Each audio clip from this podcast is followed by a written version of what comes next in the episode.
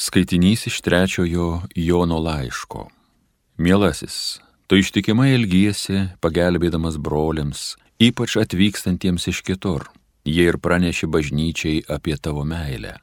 Tu puikiai padarysi, išruoždamas juos į kelionę taip, kaip Dievui patinka. Jie leidosi keliauti jo vardo labui, nieko neimdami iš pagonių. Mes turime tokius žmonės svetingai priimti, kad taptume tiesos bendradarbiais. Tai Dievo žodis.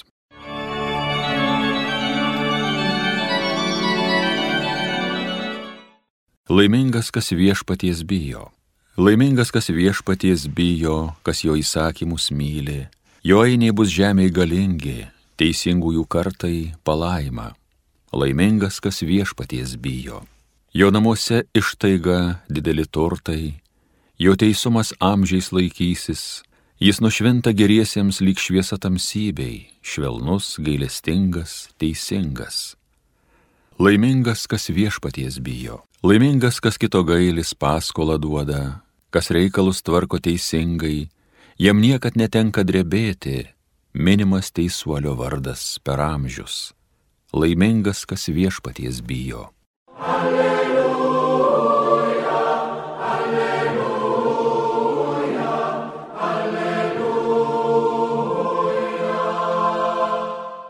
Dievas pašaukė mus per Evangeliją, kad įgytume mūsų viešpaties Jėzaus Kristaus garbę. Alleluja, alleluja, alleluja. Viešpat su jumis. Pasiklausykite Šventojios Evangelijos pagal Luką. Jėzus pasakė savo mokiniams palyginimą kaip reikia visuomet melstis ir nepaliauti. Jis pradėjo. Viename mieste gyveno teisėjas, kuris nebijojo Dievo ir nesidrovėjo žmonių. Tame pačiame mieste gyveno ir našlė, kuri vis eidavo pas ir prašydavo, apgink mane nuo skriaudiko. Jis ilgai spyrėsi, bet pagaliau tarė savo. Nors aš Dievo nebijau, nei žmonių nesidroviu, vis dėlto kai šita našlė tokia įkyri, imsiu ir apginsiu juos teisės, kad ko gero ji manęs neapkultų. Ir viešpats pridūrė, įsidėmėkite, ką pasakė tas nesažiningas teisėjas. Tad nejaugi Dievas neapgintų teisų savo išrinktųjų, kurie jo šaukėsi per dienas ir naktis ir dėlstų jiems padėti? Aš sakau jums, netrukus jis apgins jų teisės, bet ar atėjo žmogaus sunus, beras žemėje tikėjimą. Girdėjote viešpatie žodį.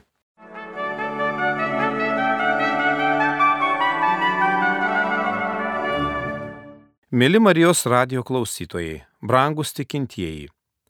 Šiandien bažnyčia kviečia mus pamastyti apie tai, kaip aš melžiuosi. Kokia yra mano malda? Kaip dažnai aš melžiuosi? Ar tik tada, kai ištinka gyvenime man bėda? Arba gal kai turiu problemų? O gal tik tada, kai užeina tik tai noras melstis?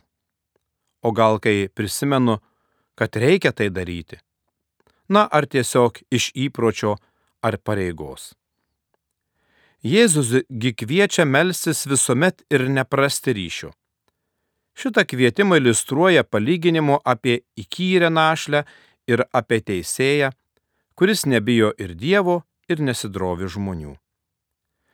Mums šis palyginimas atrodo keistokas. Kodėl būtent teisėjas ir našlė? Tačiau žydams tai netrodė.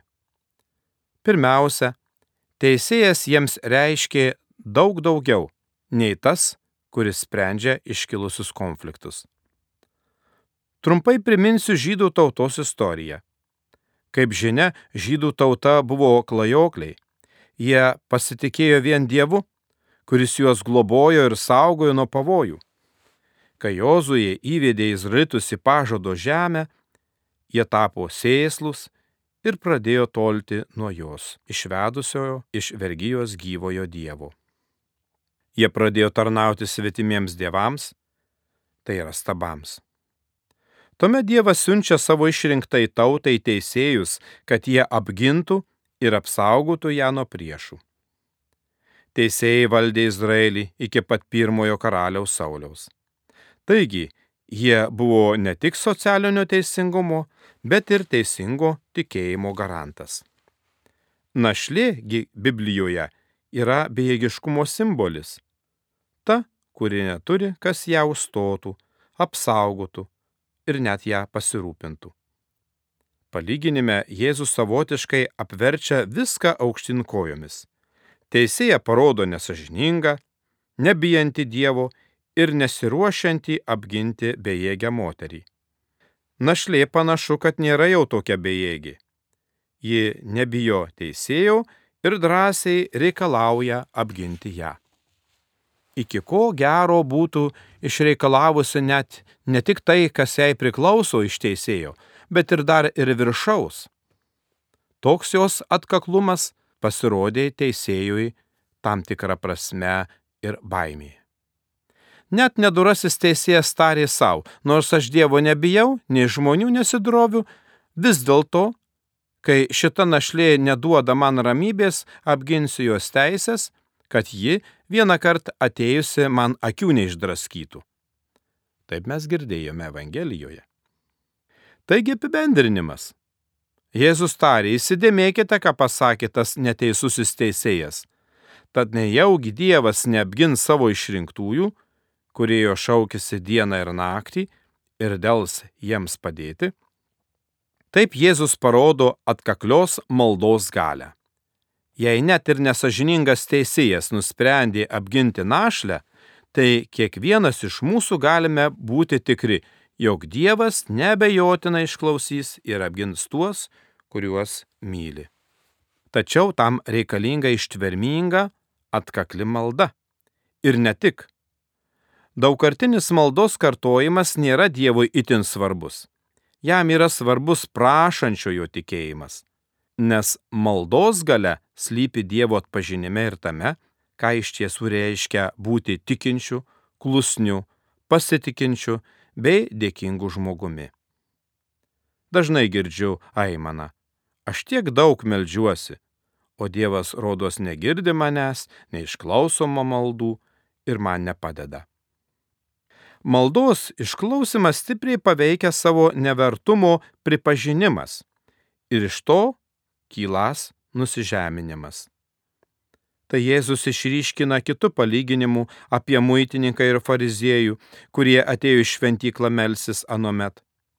Fariziejus išdidžiai atsistojęs matomoje vietoje, vardina savo nuopelnus, pasmergdamas kitus, kartu ir atokiai stovinti, net nedrįstanti pakelti akių, matome ir muitininką.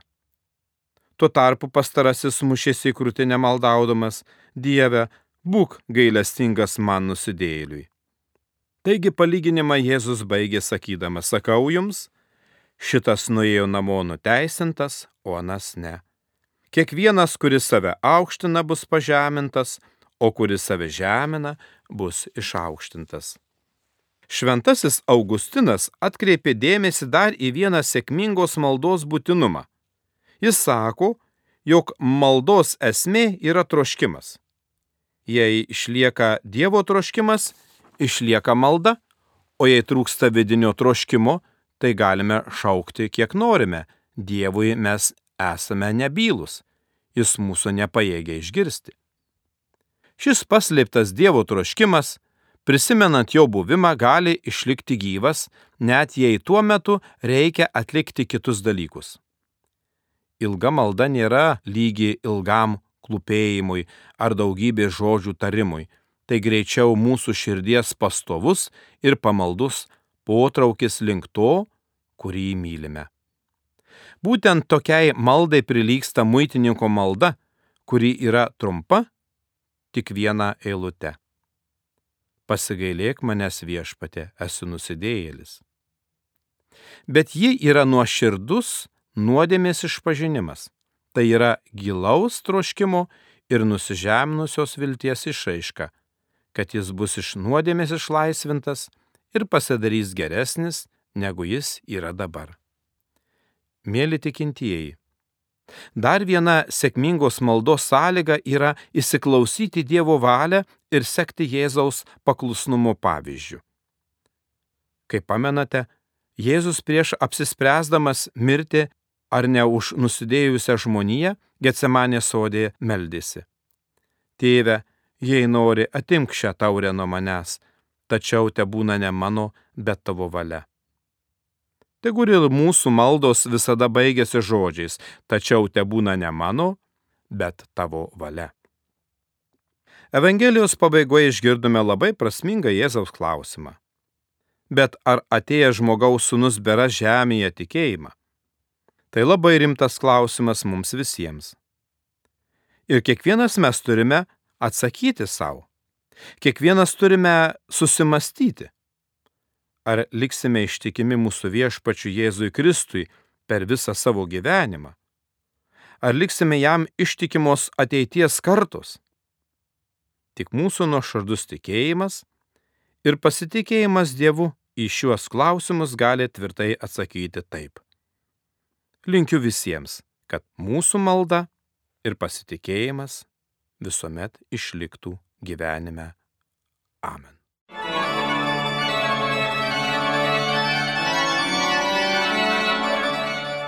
Homilija sakė monsinjoras Vytautas Grigaravičius.